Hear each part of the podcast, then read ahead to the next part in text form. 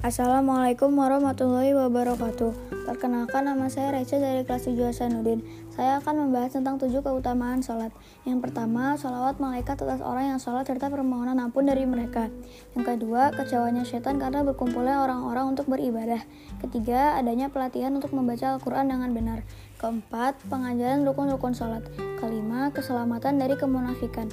Keenam, ditinggikannya derajat oleh Allah Subhanahu wa taala. Ketujuh, dihapuskan dosanya oleh Allah Subhanahu wa taala sehingga ia masuk masjid. Semua itu tidak didapat oleh orang yang melakukan sholat dengan cara sendirian di rumahnya. Dalam hadis lainnya, disebutkan juga keterangan yang cukup tentang mengapa sholat berjamaah itu jauh lebih berharga dibandingkan dengan sholat sendirian. Demikian yang bisa saya sampaikan. Wassalamualaikum warahmatullahi wabarakatuh.